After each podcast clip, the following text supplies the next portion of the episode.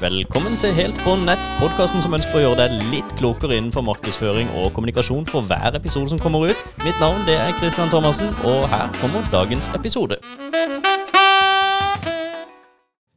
Det er mye spørsmål om disse algoritmene, altså. Hvordan de fungerer. Hva er det som prioriteres der ute? Hva er det algoritmene liker?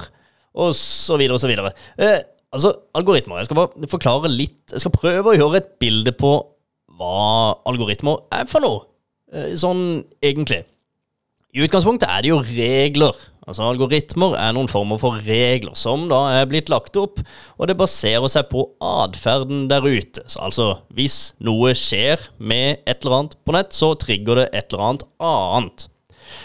I sosiale medier så kan vi se på algoritmer som et slags poengsystem. Hvis du legger ut et innlegg i et sosialt medie, la oss si f.eks. av Facebook eller LinkedIn, så får dette innlegget poeng. Det har x antall poeng, litt ut ifra hva slags ranking din profil har i utgangspunktet, og jeg kommer til det.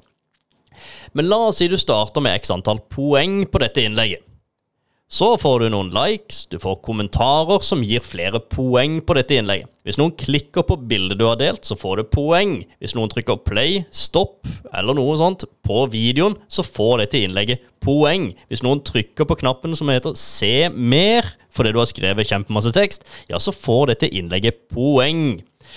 Eh, altså, jo flere interaksjoner et innlegg får, jo mer poeng får dette innlegget. Og jo mer poeng et innlegg har, jo høyere kommer det i feeden til neste person som logger på dette sosiale mediet.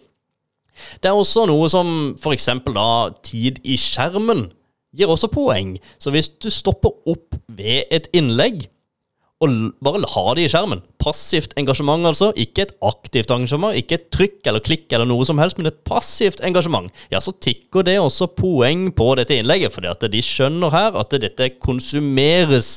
Dette er et innlegg som brukes tid på, og det gir også poeng.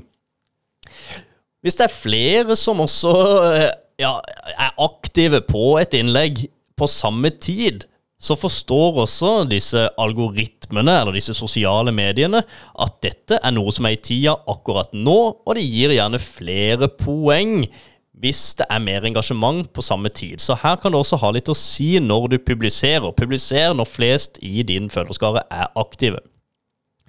Så er det jo sånn, da, som jeg nevnte, poengene på et innlegg, eller på flere innlegg, ja, det påvirker også profilen som deler. Jo mer poeng et innlegg får, dess mer poeng får også profilen som deler dette her. Som betyr da at neste gang profilen legger ut, så starter det innlegget, det nye innlegget, med mer poeng enn det forrige. Så her anbefales du da å holde koken oppe hvis du først har ett godt innlegg. Fortsett å levere god kvalitet sånn at du kan holde momentum da, og faktisk levere godt innlegg og gradvis spre dette her eh, Spre profilen din og ditt innhold organisk. Juks blir også vanskeligere. Eh, for før så var det jo gjerne sånn at man kunne lage sånn algoritme-hacks. Eh, ikke sant? Du kunne kjøre 'tagg en venn fordi bla, bla, bla'. Alt dette her.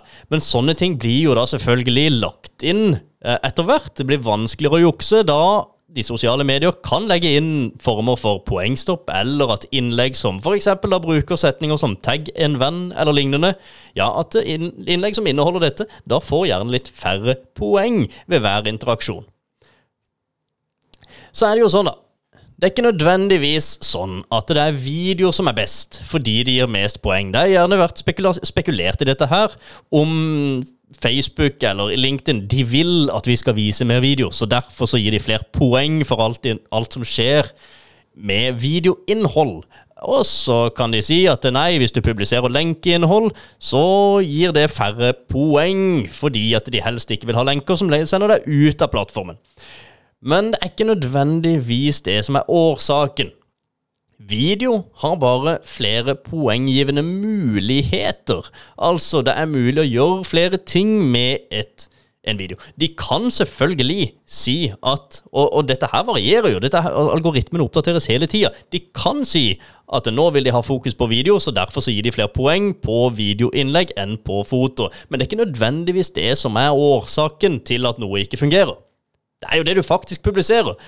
så er det jo også sånn da at det er mulighet for flere poenggivende eh, interaksjoner på en video.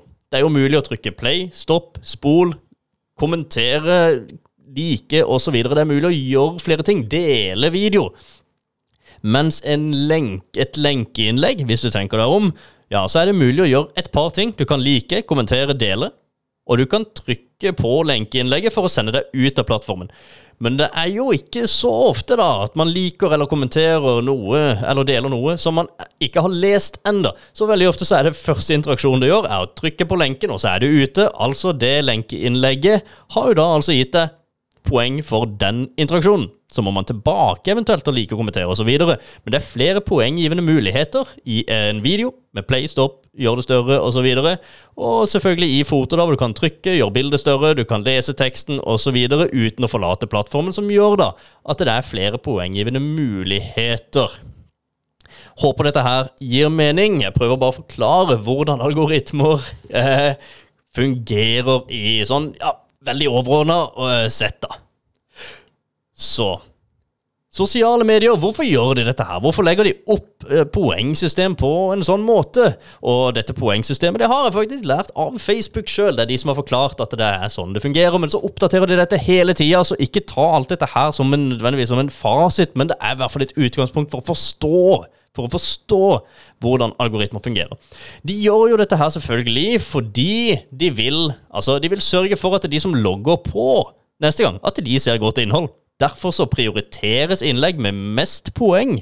For det har tilsynelatende da vært av interesse. Så neste gang du logger på, ja, så ser du innlegg da som har fått masse poeng tidligere. Og dermed så vil de også prioritere dette høyt opp i feeden når du logger på Facebook eller på LinkedIn.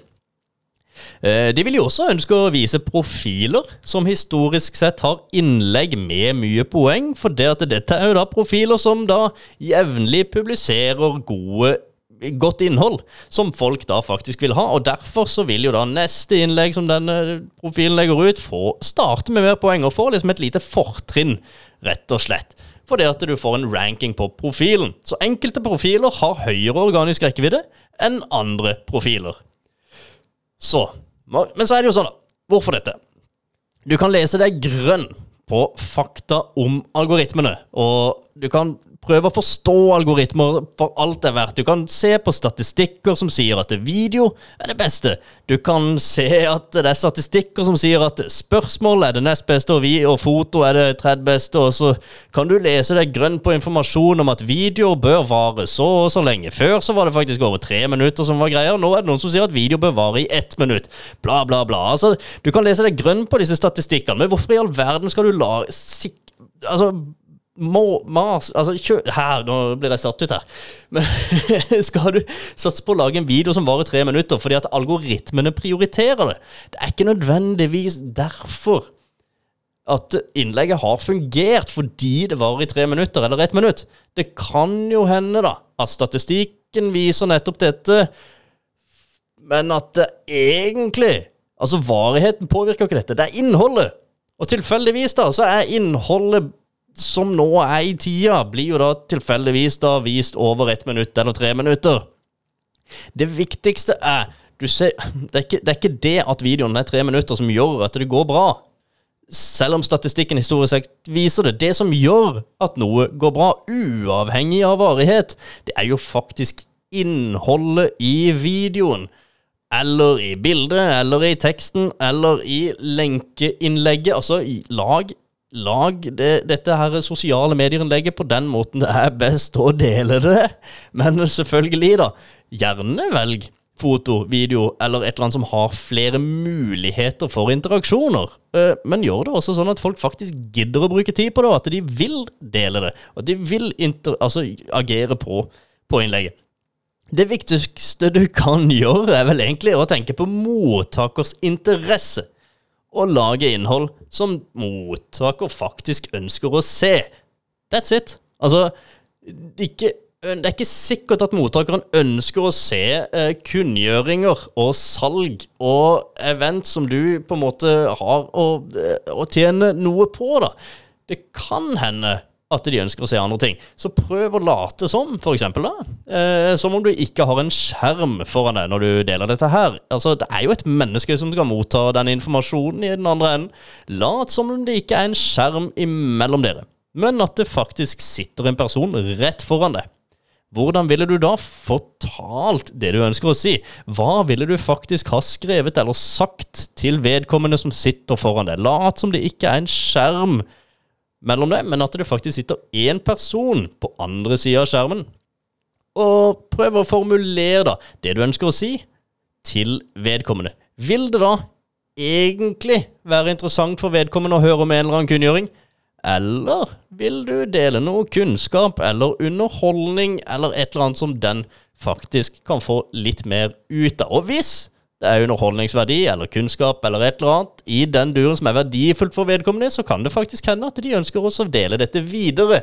Og det gir deg da altså flere poeng i dette innlegget og på din profil. Det var egentlig bare det jeg hadde. Eh, håper uh, du fikk noe ut av det, og at du lærte eh, noe mer. Ble litt klokere på hva algoritmer er, og hvordan de fungerer. Lykke til. Ha en strålende dag videre.